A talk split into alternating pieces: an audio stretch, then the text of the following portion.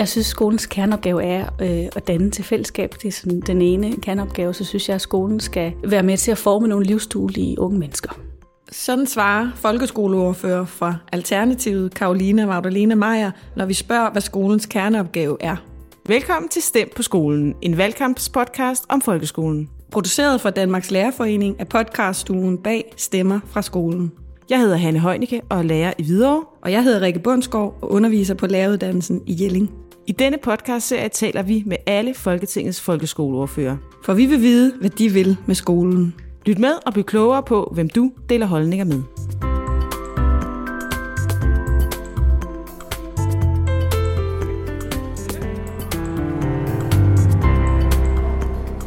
I dag der skal vi tale med Karolina Magdalene Meier fra Alternativet. Vi, vi stiller jo seks spørgsmål til alle folkeskoleordførende. Og, øh, og det første af dem, det lyder, sidst du var på en folkeskole, hvad lagde du så særlig mærke til der? Sidst jeg var på en folkeskole, det var ude på Amager. Øhm, og øh, der var jeg blevet inviteret med ind øh, i en anden klasse for at øh, overvære en lærer, som brugte sådan øhm, i sin dansk og kristendomsundervisning faktisk brugte sådan et, øh, et særligt undervisningsformat, hvor han satte eleverne i en rundkreds. Og så skulle de diskutere etik og moral, øhm, og så skulle de, øh, de fik sådan nogle scenarier stillet op med, med jeg husker blandt andet noget med, med at få gaver, og give og, og modtage og give gaver og sådan noget, hele det her element, der ligger i det med at give og tage og sådan noget. Og så skulle de sådan flytte sig på stolen alt efter deres moralske overbevisning. Og, øh, og så var det sådan, at, at selvom der var flertallet flyttede sig, og der var nogen, der ikke gjorde, øh, så tog de sådan en snak om det, og, og hele den her, altså så fik de talt om det, men der er jo ikke nødvendigvis rigtige og forkerte svar på alting. Man kan godt have en holdning, så længe man ligesom kan argumentere for den, selvom de fleste andre har en anden holdning. Ikke? Så jeg lagde egentlig mærke til en rigtig fin måde at undervise på, som jeg synes på den ene måde brugte det med at bevæge sig lidt, men, men på den anden side også øh, greb ind i, at øh, det at gå i skole handler ikke om øh, rigtigt eller forkert, altid. Men det handler også om, at øh, man kan have forskellige holdninger til ting, og det er okay at have sin holdning, men at man bare skal gøre sig sin overvejelse over, hvorfor er det, jeg synes, som jeg gør. Okay. Ja. Det er jo sådan et lidt andet billede af skolen, end sådan et, hvor børnene sidder stille og rækker ja. hånden op. Og, hvad tænker du om det? Altså, Jamen, ro og orden og disciplin og sådan noget. Jamen, øhm, ja, øh, jeg kan måske illustrere det ved et andet billede, fordi nu spurgte du sidst, jeg var på en folkeskole, hvad jeg oplevede, men i, for meget kort tid siden var jeg på en Steinerskole, hvor jeg kommer ind i en første klasse, øh, og der sidder de og strikker sådan nogle dværge, som de skal bruge til deres eventyrforløb. Der var fuldstændig ro, og de sidder måske 30-34 elever i den her klasse. Og selv da vi kommer ind, vi var to politikere, der kom, selv da vi kommer ind og kigger på, der er ingen, der taler. Og der blev jeg sådan lidt, på en eller anden måde blev jeg sgu sådan lidt benåret over det der med, at det kan faktisk godt lade sig gøre, at små børn på 6-7 år, de, øh, ikke, øh, altså, at der er ro i timerne. Ikke? Men det kommer ind på, hvordan man arbejder med deres evne til fordybelse, og hvordan man træner dem i, øhm, at det at gå i skole også handler om, at man faktisk fordyber sig og sidder stille. Og, og der tror jeg, at, øh, at jeg oplever også mange klasser, hvor jeg kommer ud, og der er meget larm. Ikke? Øhm, og det tror jeg ikke. Det ved jeg ikke, om, om man kan dele det op på folkeskoler og friskoler. Det tror jeg ikke, man kan. Jeg tror bare, at det her, den her klasse, jeg var inde i på Steinerskolen, var sådan et helt unikt eksempel på ro. Men jeg synes, at den ro kunne jeg godt ønske mig, at der var noget mere af ude i, i de små klasser rundt omkring i vores folkeskoler. For børnenes skyld, og selvfølgelig også for lærernes, ikke? men først og fremmest jo for børnenes egen skyld. Så en af skolens opgaver, det er ja. at lære børn at fordybe sig. Ja, altså der var faktisk øh, et øh, debatindlæg på politikken, i politikens skoleliv, som Camilla Wang blandt andet har skrevet. Hun er øh, prorektor, tror jeg, på professionshøjskolerne. Og, øh, og det handler meget om, hvad er det for en opgave, som, som klasselærerne i de små klasser har. Og jeg synes, det er så rigtig set, fordi hun kritiserede lidt politikernes at vi bliver ved med at fokusere så meget på fagfagligheden, også i de små klasser, og siger, det er den faglige, altså det er de boglige færdigheder, vi skal ind og træne dem i dansk matematik osv. I stedet for at sige, det er klasseledelsen, der egentlig er fokus på. Og i Finland gør de det jo på den måde, at klasse- eller skolelærer i Finland fra 0. til 6. Det er jo primært klasseledelse, man bliver uddannet i. Hvorimod fra 6. eller når jeg mener det fra 6. op efter, der er det primært, kan man sige, fagene, altså fagfagene, som man bliver uddannet i. Ikke? Så, så de skiller faktisk imellem det, tanken kan jeg godt lide.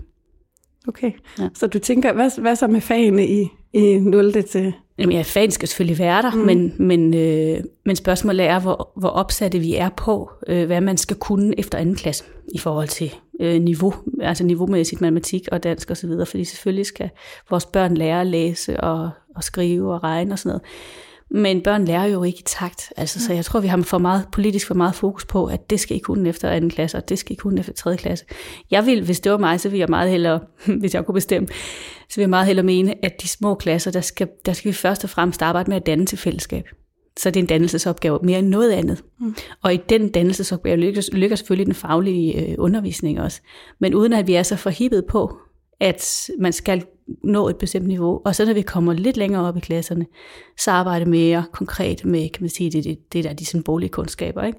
Det tror jeg øh, vil skabe et, et bedre fundament for den undervisning, der er i klasserne. Hvad er skolens kerneopgave så for dig?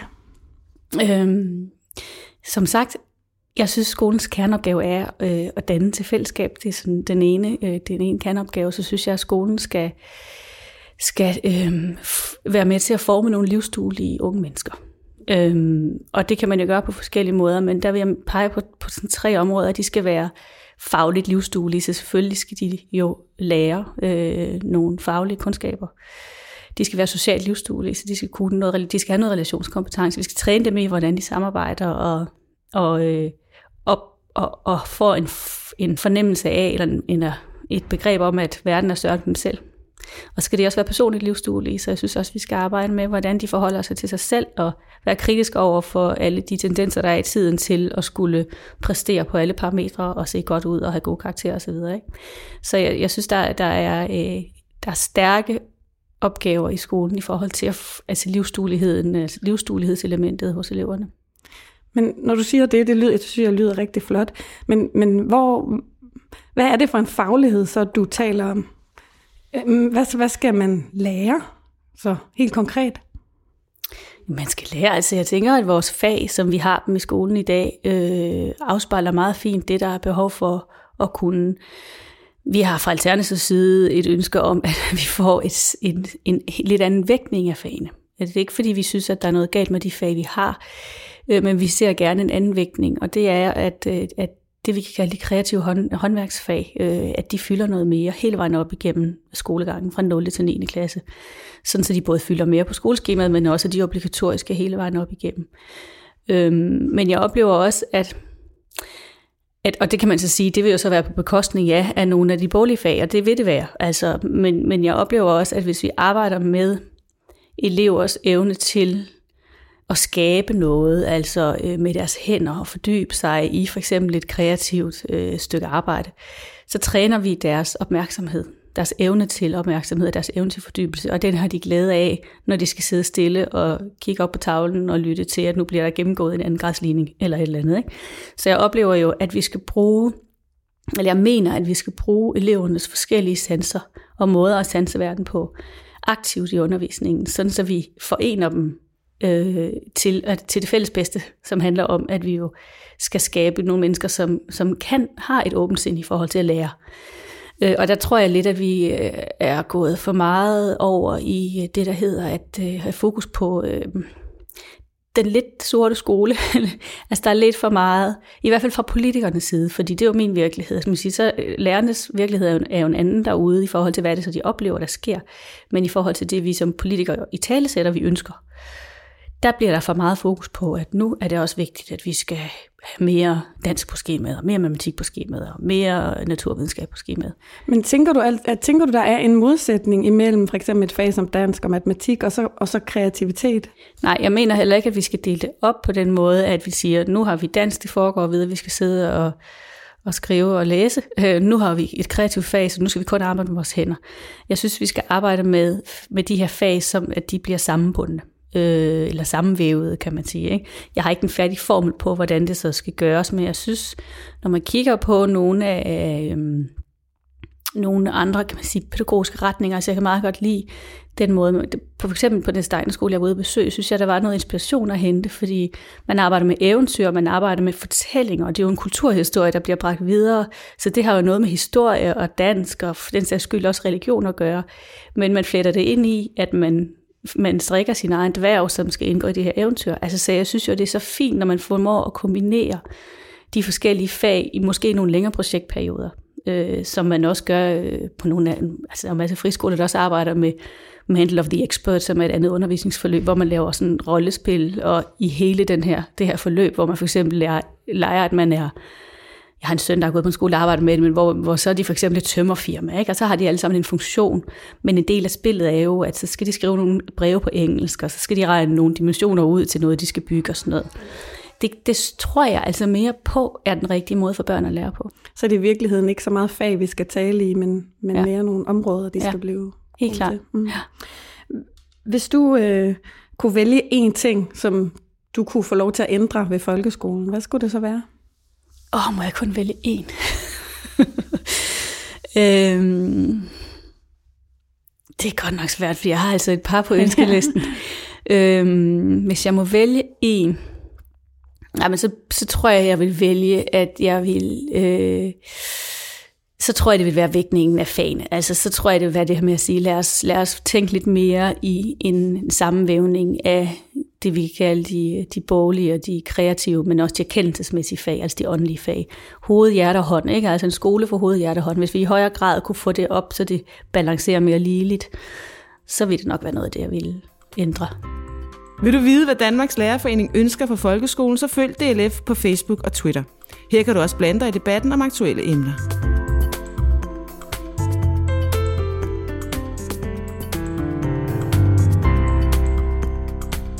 Hvem er du inspireret af, når du, øh, når du formulerer politik på folkeskoleområdet? Øhm, ja, hvem er jeg inspireret af? Øh, altså, jeg er til dels inspireret af nogle af frihedssænkerne. Og det har vi ikke øh, været inde på endnu, men, men det er jo så et af mit andet ønske for mm, folkeskolen. Kom med det. Nå, men det er simpelthen at skabe nogle rammer for folkeskolen, som, som giver den enkelte skoleleder og skoleledelse, skolebestyrelse mere frihed til selv at definere, hvordan vil vi arbejde med de overordnede rammer for lovgivningen, som vi selvfølgelig er underlagt. Ikke? Øhm, altså, jeg, jeg synes jo et eller andet sted kunne man tage udgangspunkt i, hvad er det for nogle rammer, der er for friskolerne, skulle vi prøve at se, om vi ikke også skulle bruge de samme styringsmæssige rammer for folkeskolerne. Og så ved jeg godt, at forskellen er, at friskolen, mange friskoler arbejder ud fra en eller anden ideologi eller et værdisæt. Det skal folkeskolen selvfølgelig ikke, fordi det er folkets skole. Men den måde, vi styrer på, kunne jo godt afspejle det, som vi gør hos friskolerne. Så det er sådan et konkret ønske fra min side. Og der er jeg, der er jeg fagligt inspireret af nogen, der, når jeg siger frihedstænkerne, altså sådan en som Brian Dein Mortensen, som jo er forsker på området, øh, Thomas øh, Rømer, Åstrup Rømer og en anden de inspirerer mig i forhold til at være sådan ret radikale i deres frihedstænkning, i forhold til at få politikernes fingre lidt mere ud af, og forvaltningsfingre mere ud af folkeskolen. Kan du ikke se nogle udfordringer i det i forhold til de skolebestyrelser, der sidder i hvilken... Altså, kan der ikke komme ret stor forskel på også kvaliteten af, af skolerne, hvis man sætter skolen fri på den måde? Nej, der tror jeg bare, at det afhænger af et, en god ledelse. Det skal selvfølgelig have nogle dygtige skoleledere. Det, det er helt klart også min øh, erfaring, at vi har det i langt de fleste skoler, tror jeg og to, øh, nogle dygtige lærere. Og så kan vi diskutere, er der noget ved læreruddannelsen, der skal laves om. Øh, og ja, jeg synes, vi skal have en femårig læreruddannelse, sådan så vi giver øh, de lærere et ekstra år ovenpå det, de har. Ikke? Så er jeg fuldstændig ligeglad med, hvor den ligger. Det kan så være en anden politisk diskussion. Skal den ligge på universiteterne eller professionshøjskolerne? den kan jo lige så godt ligge begge steder. Altså, what's the problem, eller hvad jeg vil sige. Men, men selvfølgelig nogle dygtige lærere, som, så, som, som øh, kan deres faglige kram, Øh, det er ikke, fordi de ikke kan det i dag, men jeg synes, vi skal gøre dem endnu dygtigere ved at give dem en femårig læreruddannelse. Og nogle bedre vilkår at arbejde under, det er så det næste. Ikke? Men nej, jeg er ikke bekymret for, øh, at den faglige kvalitet vil være, vil være for dårlig. Altså jeg tror tværtimod, at vi vil give lærerne noget tid til at arbejde fagligt på den måde, som de vurderer bedst. Nu talte du tidligere om det her med den sorte skole, at nogle mm. steder så var der måske mm. lidt for meget af det. Kunne det ikke være en, altså nu, ved, nu har du jo ambitioner om sådan en skole, hvor man arbejder mere kreativt og sådan noget. Hvad hvis det så viser sig, at øh, rigtig mange skoler i virkeligheden valgte at drive skole på den måde, som skolebestyrelsens medlemmer selv havde oplevet skolen i deres skoletid? Er det, er det ikke en fare, at når der ikke ligesom er en fælles, hvad skal vi sige, ramme for, hvordan man kan gøre? Jo, altså selvfølgelig kan man godt vælge at se faren i det. Altså man kan godt vælge at tage det perspektiv på det, der hedder, uh, så kan vi ikke være sikre på, at de alle sammen gør det på den samme måde, eller at de gør det på den måde, som jeg som politiker synes er den bedste. Ikke? Så det, det kan jeg jo godt øh, øh, vurdere, men, men jeg, jeg vil jo så også mene, at en skolebestyrelse bliver også sammensat af de forældre, der er i skolen. Så man peger, altså det er jo en demokratisk proces, hvor man peger på den, som man mener repræsenterer en selv bedst. Og så derfor så ligger jeg jo fuldstændig min lid til, at den pågældende skolebestyrelse repræsenterer de forældre, der er, i forhold til, hvad det er, hvad det er for en måde, de ønsker, skolen skal være skole på. Så jeg er ikke så bange for, for den der, de der faresignaler, der er i, at åh oh, nej, så bliver det hele sådan noget ragnarok. Øh, det tror jeg faktisk ikke. Jeg har i hvert fald tilliden til, at vi skal, at vi skal give det et forsøg, og hvis det så viser sig at være problemer med det nogle steder, så, må, så kunne man jo tage det op. Ikke? Men, men jeg vil bestemt ikke mene, at, at vi skal lade være med at gå den vej, bare fordi vi er bange for, at, øh, at det ikke vil fungere. Nu talte du lidt om læreruddannelsen før, mm. og at den måske kunne blive femårig. Skal, skal læreruddannelsen ændres først, inden, inden at man sætter skolen fri, eller er det, vil det, hvis alternativet hvad skal man sige, var dem, der kunne bestemme. Øh, var det så fra i morgen af, at skolen var klar til ja. på den måde at blive sat fri? Ja, ja. Altså når jeg siger, at læreruddannelsen skal ændres, så er det fordi, jeg synes, vi skal have endnu dygtigere lærere, hvad vil at sige. Altså, når endnu dygtigere, så handler det jo sådan set bare om at give dem muligheden for det her ekstra år. Jeg tænker jo meget, at det, det som vi kunne styrke ved læreruddannelsen, er øh, metodekritik for eksempel. Altså sådan noget med at blive klædt bedre på som lærer til at kunne gå ud og være kritisk over for de øh, den forskning, der for eksempel ligger på området, eller nogle af de, alle de undersøgelser, vi hele tiden får slynget i hovedet. Altså at man også som lærer kan gå ud og sige, jo, men der ligger noget metode bag det her, eller det bærer et eller andet særligt videnskabeligt grundlag, hvad ved jeg. Så, så, øh, så, så det er bare for at sige, at, at det er bare et ekstra plus i forhold til de, de lærere, vi har i dag. Men jeg vil bestemt mene, at vi kan gå ud i morgen og sætte skolernes rammer langt mere fri, og at de lærere og skoleledere, vi har, sagtens kan forvalte det. Hvad skulle det sådan helt konkret være for nogle, altså hvad, hvad, hvad, hvad for nogle rammer skulle væk først? Eller? Jamen jeg vil jo mene, at der, altså, nogle af de, primært er de rammer fra forvaltningen og ned øh, på skolen, og jeg har sådan set ikke... Øh, øh, en, en liste med dem alle sammen. Så, så det vil være noget med at gå ud i dialog med skolerne og sige, hvilke mål, altså målstyringsredskaber, oplever I som skole, er en begrænsning for jeres arbejde, fordi det er noget, I skal, fordi forvaltningen har besluttet, at I skal. Og det kan jo være, det kan jo være hvad det hedder, elevplanerne for eksempel, eller de digitale læringsplatforme, eller er der nogle ting, som vi kræver af skolerne, at de skal opfylde, på trods af, at de sådan set ikke selv synes, det bidrager med særlig meget værdi. Og så vil jeg gerne vente den om. Og så kunne vi sige til skolerne, hvis der er noget, som I gerne vil måles på, for at udvikle jer selv som skole, hvad skulle det så være? Og så kan de pege på det, og så, altså, så kan den enkelte skole pege på det, eller en kommune kunne skolerne pege på det. Og så kan de bede forvaltningen om at understøtte dem i at måle på de her. Det kunne være det den faglige progression, det kunne også være trivsel i klasserne, eller det kunne være noget helt tredje i forhold til et helt specifikt øh, fagområde, som de gerne vil blive bedre til. Øh, og så skal forvaltningen understøtte skolen i det. Men forvaltningen må ikke, må ikke kræve af skolen, at den skal måles på nogle særlige parametre. Så jeg vil gerne vende den om. Mm. Altså i skolerne må gerne definere nogle mål, men det skal være, fordi det er de mål, som de selv vurderer, at de kan blive bedre på. Hvad for nogle rammer skulle så være defineret? Er der noget, du tænker, det skal være det ens? Eller? Ja, altså ikke fra kommunalt hold, mm. forvaltningshold. Fra nationalt hold selvfølgelig vil der være nogle faglige rammer, altså hvad er det for nogle fag, vi skal have på hvilke klassetrin. Der skal være nogle formålserklæringer for, hvad indeholder de forskellige fag, altså nogle målbeskrivelser af fagene. Hvad skal man kunne, når man for eksempel er færdig med historie i 6. klasse eller dansk i 9. klasse. Ikke?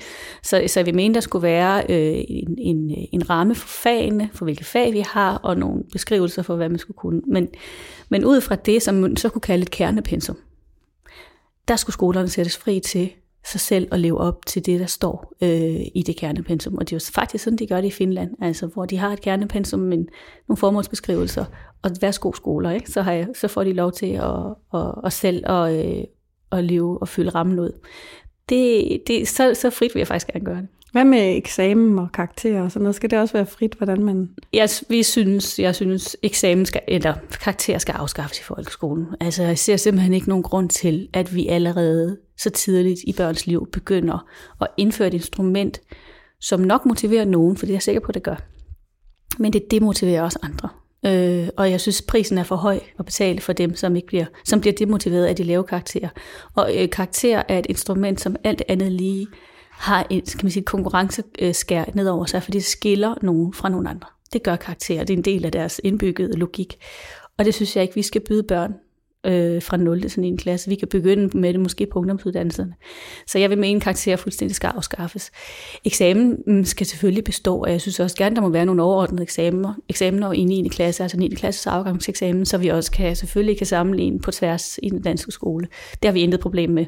Så, så er ikke noget mod eksamen. Øh, og selvfølgelig skal der være en ordentlig feedback på den eksamen, men det skal bare ikke være med karakter. så kvaliteten af skolerne, hvis man skulle undersøge, hvad for nogle skoler fungerer så godt eller mindre godt, det, det, det vil være så baseret på, på afgangseksamen? Eller hvordan vil du hvad skal vi sige, ja. holde styr på ja. kvaliteten af skolerne, når de var sat fri? Det ville for eksempel være baseret på, øh, på afgangseksamen, øh, men så vil det også være baseret på, hvorvidt øh, at man kan se, at der er skoler, hvis der er stor flugt fra nogle skoler, hvis der er nogle skoler, hvor vi oplever, at der er mange forældre, der vælger, der vælger børnene at børnene skal gå et andet sted, så er det jo et indikator på, at der er noget, der ikke, der ikke fungerer. Og så må skolen jo så begynde at skulle stå skoleret over for forvaltningen i forhold til, hvad er det, der, der er galt. Ikke? Men jeg mener helt klart, øh, og det er sådan et grundprincip i, i mit politiske virke, det er, vi, vi, vi skal ikke indføre kontrolmekanismer, så længe der ikke er noget galt. Altså, og hvis det så er, at der er noget galt nogle steder, så skal vi gribe fat i de konkrete, i de konkrete skoler, der så ikke fungerer. Fordi vi skal ikke lade alle andre skoler bøde for, at der måske er nogen, der ikke fungerer, ved at man skal til at opfylde alle mulige øh, resultatparametre. Ikke? Så, øh, så, så jeg mener helt klart, at det er tilliden til både skolelederen og skolelærerne, der skal tilbage. Hvis du så omvendt kunne vælge én ting, du vil bevare ved folkeskolen, som, som den er i dag, hvad, øh, hvad skulle det så være? Øh, formålsparagrafen, tror jeg, kan jeg rigtig godt lide. Øh, men jeg kan også godt lide den, den, øh, de gamle formålsparagrafer, der har været. Der har været nogle få ændringer i formålsparagraferne hen over tiden. Øh, men for, hvis man læser formålsparagrafen, nu har jeg jo været til dels en kritiker af folkeskolereformen, øh, blandt andet på grund af de lange skoledage, øh, og, og på grund af, at man også opprioriterede de borgerlige fag. Øh, men, men hvis man læser formålserklæringen, så er der intet i vejen med den. Så, så den vil jeg egentlig gerne bevare. Jeg vil gerne knytte et enkelt ord ind i den, og det er faktisk bæredygtighed. Det er sådan et helt konkret politisk øh, ønske, jeg har, og det er, at vi skriver bæredygtighed ind i folkeskolens formålserklæring. Det gør de allerede i Finland. Og når jeg siger bæredygtighed, så er det ikke sådan noget økohippie noget. Så handler det egentlig bare om, at vi, har, vi står over for en verden, hvor vi har defineret øh, 17 verdensmål, som alle hele verden er enige om, at det er det her, vi skal arbejde, hen, vi skal arbejde for i forhold til at få en lidt mere, en mere bæredygtig verden. Det synes jeg, vores børn skal undervises i og forholde sig til, og jeg synes, det kan stå i formåls øh, erklæring. Ikke?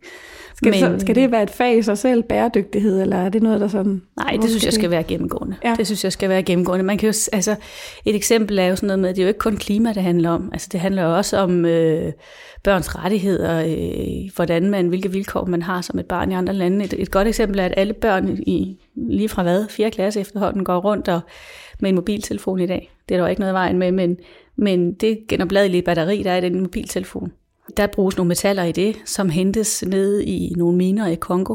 Der er et metal, der hedder kobolt, som, øh, som børnearbejdere faktisk øh, henter i Kongo i minerne. Det er ikke sikkert, det er i den enkelte mobiltelefon, fordi øh, at de store virksomheder vil ikke fortælle os, hvor langt ned fødekæden, at man kan sige, at, at det går tilbage. Men det kan være, altså der er en etisk dimension i, at den luksus, som vi går rundt og nyder godt af i Vesten, måske sker på bekostning af nogle børn i et andet sted i verden, som faktisk øh, har nogle usle, usle vilkår. Ikke? Det, er jo, det er jo en bæredygtighedsudfordring, som jeg vil mene, at vores børn skal forholdes og forholde sig til. Så, så det her etik og moral, som du egentlig også ja. startede med at tale om, det, det tænker du, det er en vigtig del af ja. skolens indhold? Ja, det synes jeg helt klart er en vigtig del. Jeg synes hele erkendelseselementet, det åndelige aspekt af at være menneske, Øhm, det synes jeg, vi skal bruge mere energi på i skolen. Og jeg ved godt, vi har kristendomsfaget i dag, men, men det er ikke helt gjort med det. For det handler ikke kun om religion og, og hvad man tror på eller ikke tror på. Det handler egentlig også om, øhm, jamen det handler om det her med bør og kan. Altså bør vi, bør vi gøre ting bare fordi vi kan. Øh, det tror jeg virkelig, vi kan træne vores børn i at være opmærksom på. Og nu, nu nævnte du så, det er så folkeskolens formål, du mener. Det er sådan det helt grundlæggende at bevare lige med den her tilføjelse af bæredygtighed. Og I har jo så af gode grunde jo ikke været med i folkeskolereformen. Øhm, hvad, hvad, hvordan synes du, at øh, forskellen har været på den socialdemokratiske regerings måde at drive uddannelsespolitik på, og så den regering, der er der nu? Min oplevelse har været, at den tidligere regering kørte en meget sådan instrumentel folkeskolepolitik. Altså det, der blev gjort enormt meget ved, og det kan man også se i reformen, at der blev opstillet enormt mange læringsmål som en del af reformen. Øh, der blev stillet enormt mange krav til, hvad skolerne skulle og ikke skulle. Øhm, I virkeligheden meget modsat det, som, øh, ja, som du taler som for. jeg står for. Mm. Jamen, jeg har bestemt ikke nogen tilhænger af den socialdemokratiske folkeskolepolitik, som, som, som den fandt sted der øh, før øh, den nuværende regering så synes jeg, at den nuværende regering har været god til at bløde op på nogle af styringsinstrumenterne. Der, vi har, der er blevet frisat nogle af de, af de bindende læringsmål, som så er blevet ikke, ikke obligatoriske mere, øh, og de arbejder jo stadigvæk øh, hen imod en større, fri, en, en større frihed for folkeskolerne. Men, men jeg synes så samtidig, at vores nuværende regering og minister er, er enormt, øh, altså, altså har et enormt smalt perspektiv på, hvad, øh, hvad skolen skal, og som netop handler om, at vi skal hele tiden dybere og dybere ind i de i fagområderne, i fagfagligheden, i de boglige kundskaber, i dansk matematik og naturvidenskab. Og det, altså jeg synes, at hun overser alt det, som skolen også er, for at vi får nogle børn, der kommer hjem fra skole og siger, ej, hvor har det været dejligt at være i skole, da jeg er så glad for min skole. Altså fordi alt andet lige, så er det, så er det det er ikke alle børn, der går hjem og jubler med armene op over hovedet, når de har siddet øh, og kigget op på en tavle hele dagen. Nu karikerer jeg, mm. men, men det er lidt med vilje, altså for at lære om, øh, om dybdegående øh, fagkundskaber. Ikke? Så jeg synes, jeg, jeg, jeg synes egentlig, at jeg er lidt hverken lidt Altså, jeg er jo hverken tilfreds med det ene eller det andet. jeg, vil gerne have, jeg vil gerne have en fri skole, men jeg vil jo helt klart også gerne have en fri skole, hvor vi anerkender værdien af, kan man sige, håndens og hjertets øh, øh, del af det at være et helt menneske, så det ikke kun er hovedet, der, der bestemmer, hvad vi skal i skolen. Og det synes jeg, det er i dag. Det, der er alt for meget fokus på hovedets øh, kunden og funktion og, og de kundskaber, der hører til det, at tænke fornuftigt og rationelt. Hvad, hvad med den understøttende undervisning, som jo er en del af folkeskolereformen, og mm. vel et sted, hvor der er, måske mm. er plads til nogle af de ting, du efterspørger. Mm. Hvad, hvad, hvad tænker du om den? Hvis jeg fik lov til at lave øh, min egen folkeskole, øh, så tror jeg faktisk slet ikke, det ville være nødvendigt at have det, der hedder understøttende undervisning i dag. Fordi så vil vi netop have en langt større bredde på den her øh, fordeling af, af de forskellige former for fag. Og så, og så vil mange af de børn, som i dag måske har det svært i de borgerlige fag, faktisk helt naturligt finde deres øh, hylde i at være god til sløjt, eller god til håndarbejde, eller god til for eksempel sådan et fag, som, øh, som, som de mere sådan erkendelsesmæssige moralske spørgsmål. Ikke? Så, så jeg tror egentlig, at den understøttende undervisning bliver lidt en lappeløsning på en skole, som i alt for høj grad tager hensyn til, til, til hovedets kundskaber. Og så længe den er der, så har vi endet mod den, det er slet ikke det. Altså, at man vil fjerne understøttende undervisning, øhm, vil jeg mene, at vi skal være varsomme med, så længe vi ikke sætter noget i stedet, som så kan gå ind og give det til børnene, som er et andet rum end det klassisk boglige rum. Ikke? Men du, du bliver ved at tale lidt i fagen, sådan som jeg hørte så at fagene, det bliver sådan det boglige, og det der med tavlen, og det der... Mm. Øh, men mm, behøves, behøves fagene at være sådan kedelige og boglige, og, og, så, og så, øh, så sker det sjove over mm. i sløjt og... Eller, nej, eller, nej, men det er også derfor, jeg taler meget for en samtænkning af fagene. Ja. Altså, så man i stedet for at sige, at nu har vi det her skoleskema, hvor vi har dansk fra i første anden lektion, og så har vi matematik, og så har vi idræt, at man så laver nogle mere tværgående øh, projektforløb, hvor der i højere grad lidt går hul på skolen, ikke? Mm. Altså, så man kan få lov til at eksperimentere med og, og sammenvæve fagene. Øh, men, men jeg vil ikke bestemme det politisk, hvordan det skal gøres. Altså det vil jeg mene. Det kan godt være, at der er nogle skoler, som vil have klassisk skemaundervisning, og så lave nogle, nogle forløb en gang imellem, hvor der går hul på det. Andre skoler vil måske i højere grad arbejde 100% projektorienteret. Det synes jeg ikke skal være en politisk opgave at bestemme det. Altså det ligger under den frihed, som jeg talte om før, at den enkelte skole så jo i samarbejde med det opland og, og, og den befolkning, der er omkring, definerer bedst. Ikke? Så jeg synes ikke, det skal være en politisk opgave at bestemme det.